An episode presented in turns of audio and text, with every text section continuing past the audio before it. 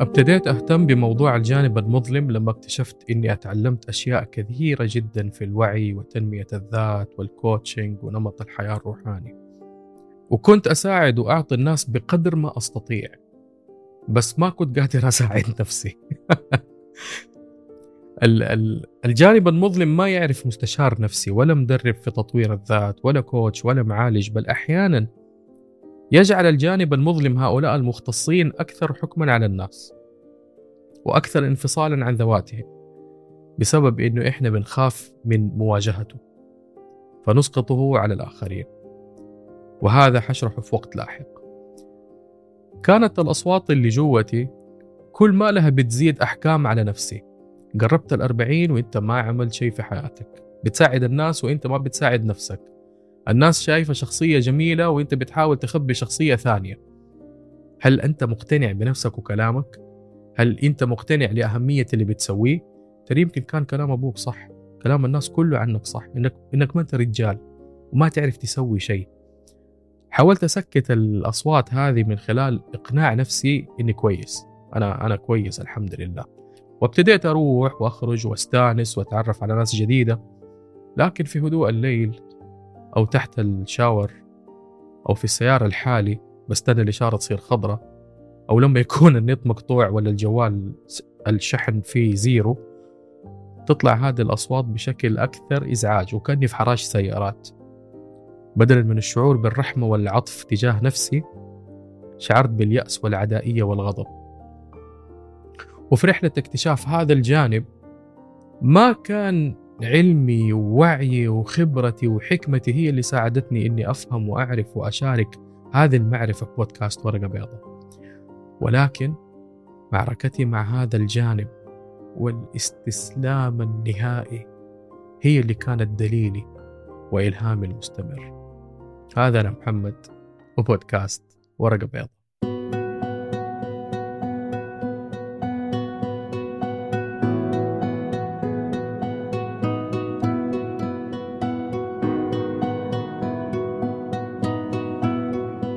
يمتلك الجانب المظلم قوة هائلة يقوم بخداعنا وإقناعنا بما يمكننا فعله وبما لا نستطيع أن نفعله. يدفعنا للتدخين للإدمان للشرب للإسراف في السهر الأكل. ونصحى تاني يوم ندمانين على كل شيء أكلناه أو عملناه أمس. استكشاف هذا الجانب هو المفتاح لفهم سبب قيامنا بكل سلوك نعمله. أو ليش بنتصرف أحيانا بطريقة تتعارض تماما مع منطقنا وعقلنا الواعي؟ أو ليش أحيانا نمضي سنوات في الحكم على الآخرين أو التعلق بناس ونقع في مشاكل وضغائن لا تجلب لنا سوى المرض والصداع وتعب القلب؟ اكتشاف هذا الجانب هو المفتاح لفهم دوافعنا. بدلا من إنه نحن ندعي ونأمل في يوم من الأيام أن نجد الشجاعة للتخلي عن التسويف أو الإفراط في الصرف والتسوق أو نخفف من حساسيتنا أو غضبنا وانفعالاتنا أو الإدمان. طبعا كل الحين بنطيح في هذا الأمر. نستمر في الاستسلام لرغباتنا وتخريب علاقاتنا وتضييع مستقبلنا. ولكننا نضع make up مكياج نلبس قناع وجه سعيد لكي نقول للعالم الخارجي كل شيء على ما يرام. ونواصل في هذا السلوك اللي قاعد يخفض من احترامنا لأنفسنا نتيجة هذا التصرف مع الجانب المظلم. إننا أحيانا نحاول أن نقوم بعمل جيد أو شيء نحبه. فنجيب العيد ونخرب الدنيا. أو نحاول نصلح أمر وبدل ما ننجح في إصلاحه يخرب أكثر. وهذه هي مشكلة الهروب والمقاومة. إنها بتمنعنا من اكتشاف ذواتنا الحقيقية وتهدد مناطق حياتنا الأكثر أهمية بالنسبة لنا.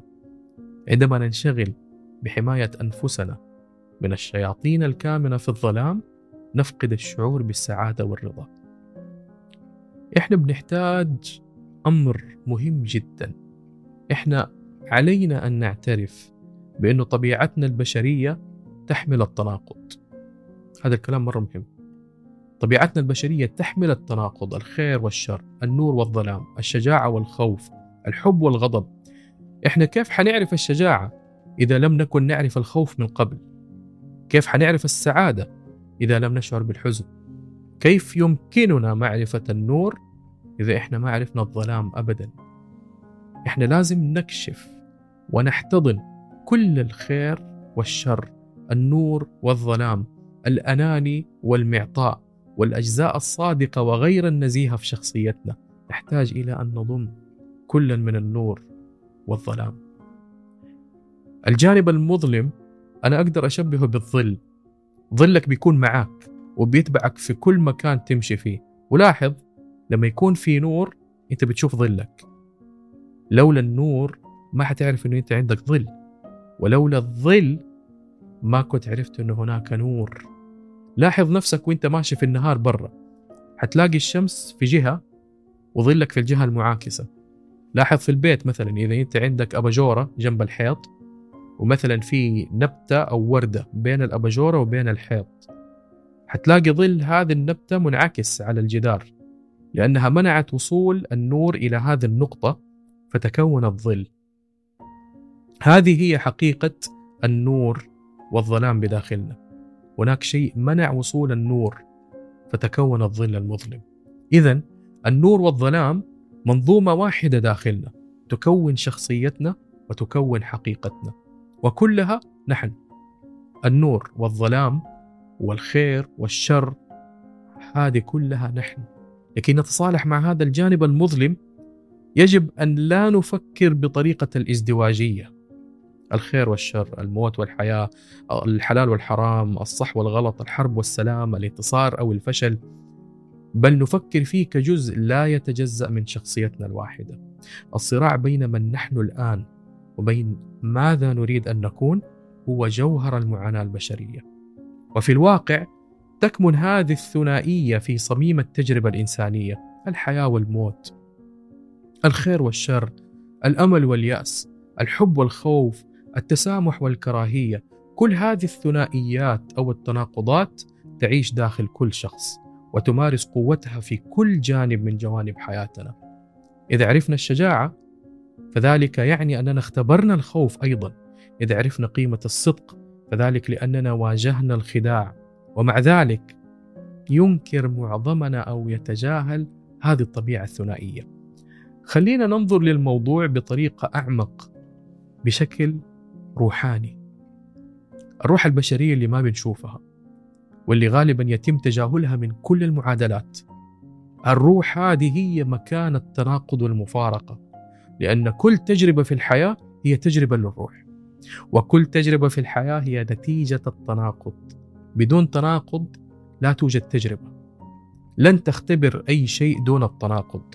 الضوء الظل المتعة والألم. فوق وتحت. أمام وخلف حار وبارد. بدون وجود هذه التصنيفات ما حيكون في تجلي. وعيك أو حقل الوعي الخاص بك حيكون أرض فضاء شاسعة مثل الصحراء.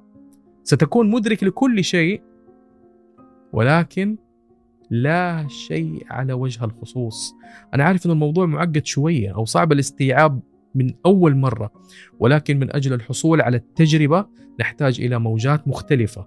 ذبذبات متعارض متعارضة سعادة مع الكبد جهد مع الإنجاز قلق مع الراحة خوف مع السلام. هذا هو السبب انه الأعداء في الظاهر هم حلفاء في العمق. وهذا مبدأ عام. أنت بحاجة إلى أعدائك لكي تكون على ما أنت عليه الآن. حتى عالم النفس كارل يونغ أتكلم عن هذا الموضوع وقال إنه كل شخص يحتاج إلى جانب المظلم ليكون ما هو عليه. بس العكس هو اللي بيصير. إحنا قاعدين نهرب وننفصل من جانبنا المظلم وأقدر أقول إنه اللوم ما هو علينا 100% لأنه الجانب المظلم طبيعة الانفصال والعزلة. يقوم بعمل نموذج يفصلك عن العالم أنا وهم أنا وغيري. نحن والآخرون متناقضين نحن على صواب وهم على خطأ. الآخرون عكسنا تماما. بيبغوا يضرونا ويؤذونا وهم ما هم بشر. من حقنا نضرهم بل وحتى ندمرهم عشان نحمي نفسنا. داخل الانفصال من الجانب أو دا الجانب المظلم دافع الانفصال فيه خلق التناقض والحرب بين النور والظلام. لما يتطور هذا الانفصال يتجلى في الغضب والخوف والحسد والكراهية والانتقام. وده اللي بيخلينا أحيانا نحس إنه إحنا ملائكة واحيانا شياطين نحس انه أحيانا إحنا أحيانا أولياء صالحين واحيانا عصاة ومفترين. في الواقع نحن عملة واحدة لها وجهين وهذا شيء طبيعي. الحب الغير مشروط والشهوة وجهين لعملة واحدة. لا يمكن الحصول على نبض كهربائي من غير طرف موجب وطرف سالب. الحياة ما لها طعم أو تجربة إذا ما ارسل الطرفين تيارات لبعضهم. لو فهمنا هذا الشيء فسندرك. أن وجود الجانب المظلم شيء طبيعي جدا وهو الدافع للانفصال ولكن الجانب النوراني أو الرباني هو الدافع الذي يسعى للوحدة بمجرد أن نجعل كلمة أنا والحاجات التي أمتلكها أنا واللي عندي هم اللي يحددوا من نحن فقد وقعنا في مخاطر هذا الانفصال. طيب كيف ممكن الجانب المظلم بيفصلنا عن ذواتنا؟ هو الجانب المظلم بيلعب معانا لعبة تأخذنا من السطح للأعمق عبر مراحل أولها الأسرار لأننا ولسبب ما في أعمارنا المبكرة تم لومنا أو معاقبتنا على بعض الرغبات والدوافع فتعلمنا عدم الكشف عن هذه الرغبات وأصبحت أسرار ليش؟ هنا بيجي دور المرحلة الثانية الشعور بالذنب والعار لما نحاول تلبية هذه الرغبات والدوافع بشكل سري لأنه عليها إنها غلط نشعر بالسوء وبتأنيب الضمير. وهذا يؤدي إلى المرحلة اللي بعدها الحكم. أي شيء يشعرنا بهذا السوء فهو خطأ. سواء إحنا عملناه أو غيرنا.